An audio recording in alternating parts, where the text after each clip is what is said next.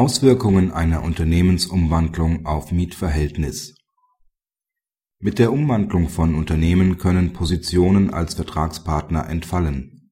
Dies gilt auch bei Mietverträgen. Die Klägerin schließt mit dem beklagten Einzelkaufmann im Februar 1988 einen Mietvertrag über gewerbliche Räume.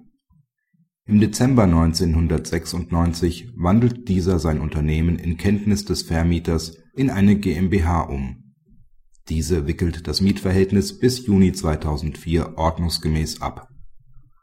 Die später fälligen Mieten werden nunmehr gegen den Einzelkaufmann geltend gemacht. Das OLG Karlsruhe weist die Klage ab weil der Beklagte nicht passiv legitimiert ist. Dessen Unternehmen ist in eine GmbH umgewandelt worden. Damit sind Kraft Gesetzes die Rechte und Pflichten aus dem Mietvertrag auf diese übergegangen, was mit Eintragung der Ausgliederung in das Handelsregister vollzogen ist. Ein Fall der Gesamtrechtsnachfolge liegt vor. Mieterin ist folglich die GmbH.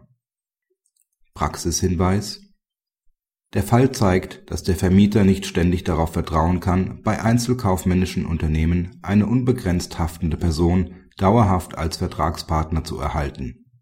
Zwar wird in solchen Fällen der Vermieter nicht gänzlich rechtlos gestellt, weil § 157 Absatz 1 Umwandlungsgesetz eine Nachhaftungsdauer von fünf Jahren vorsieht und nach § 156 Umwandlungsgesetz bei einer Überschuldung die Maßnahme nicht in Betracht kommt.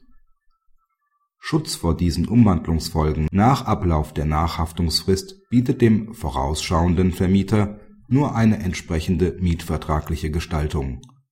Insoweit können die Parteien vereinbaren, dass im Fall der Umwandlung die persönliche Haftung des Einzelkaufmanns neben derjenigen des neuen Rechtsträgers bestehen bleibt